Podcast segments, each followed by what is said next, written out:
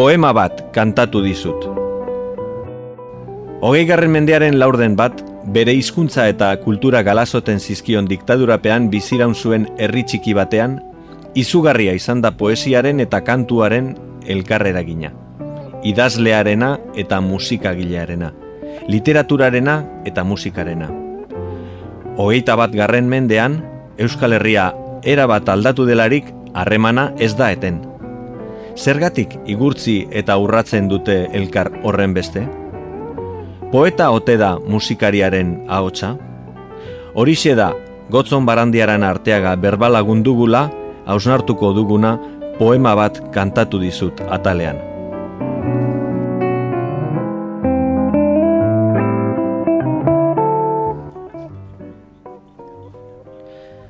Eguzki berritan, Mikel Lasa eta Gari. Eguzki berritan zaude, Gari Elkar mila bederatzireun eta larogeita amazazpi. Eren egun irakurri nion noterori zure poema eganen agerturikako bat, dio harri eta herriko G poemak. Mikel Lasari eskainiak direnez, Gabriel Arestiren zabaltasun poetiko eta personalaren adierazle dira noski bi lerro hauek. Baina oro bat, erakusten dute, lankide gazteagoaren gorazarre egiteaz gainera, Euskal idazleak noizbait, erdal idazlearen aitzinean arroa saldu al izan da hartzen duen posaren handia. Iritsiak ginen bekatuak lilura sortzen zigula aitortzerainoko heldutasunera gauza ginen, noizbait gure harima aragirik loienean galtzeko, gogoak gorputza deskubritua zigun, maitasunak bakardadea. Bodelerren aurrekoak izatetik, bodelerren ostekoak izatera pasaginen. Hau da, literaturaren historia modernoaren barnean kokatu zen gure poesia eta konplexurik gabe aldarrikatzen zituen gure poetak bere lagun ileskorrak. Zara, Aragon, Lotremon, Kafka. Mikel Lasak ekarri zuen modernotasuna ordea, ez da bakarrik literatura garaikidearen bereganatzea sortua. Ageri zuen tristura, jarrera izan gabe, inguru itogarri batek eragina zen. Ego Euskal Herriko mila bederatzireun eta berrogeta mar irurogei urteen basatzak, deshistoriaren erreinu luzeak, getto ark. Esan oidena baino sozialagoa da bere asperdura existentziala. Mikel Lasaren poemak bere ala nabarmendu ziren, eta liburuan bildu baino lehen hartu zuten idazleen eta irakurle atzarrienen aho bateko laudorioa. Baina maiz aipatuagatik eliteko poeta izan dugu urteetan, batetik arestik berak bideratutako poesia sozialaren arrakastak baztertu egin zituelako gainerako joera guztiak eta bestetik Lasaren poesiaren hildoa estelako samurra jarraitzen. Ez du estilo nabarmengarri bat proposatzen, sensibilitate mailako berritasuna baizik. Gauzak adierazteko espiritu malenkoniatxu eta ala eta guztiz ere tristuran sobera laketzen estena da aitortua duenez poetak ukaiten ditu halako aldarteak eguntxoak, barnekoak esatera behartzen duten flakesiak. Euskal olerkari zaharrek mendira bezala, itxasertzera jotzen du orduan lasak, nora eseko ibilian gogoetatxu.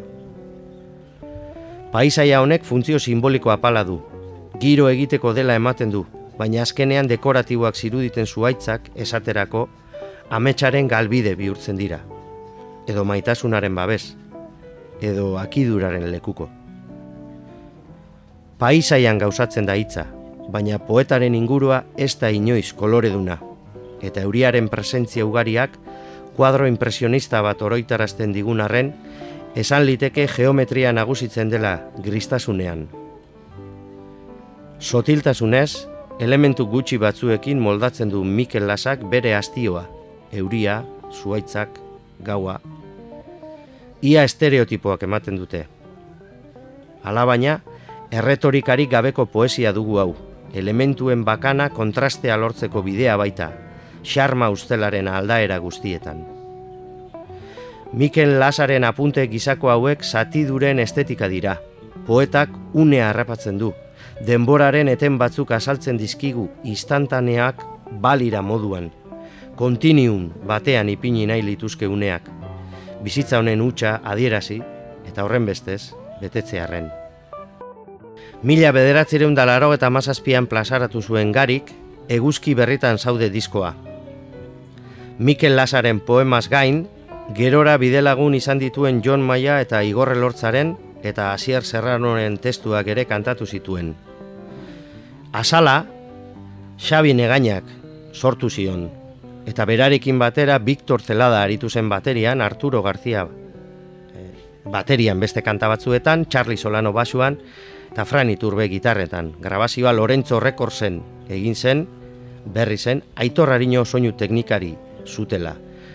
Eta laguntzen, Bingen Mendizabal biolinean eta mandolinean, Josu Zabala trikitian, Carlos Mahoma ahotxean, John Maia Bera ahotxean, eta Roberto Moso ere ahotxetan. Eguzki berritan zaude.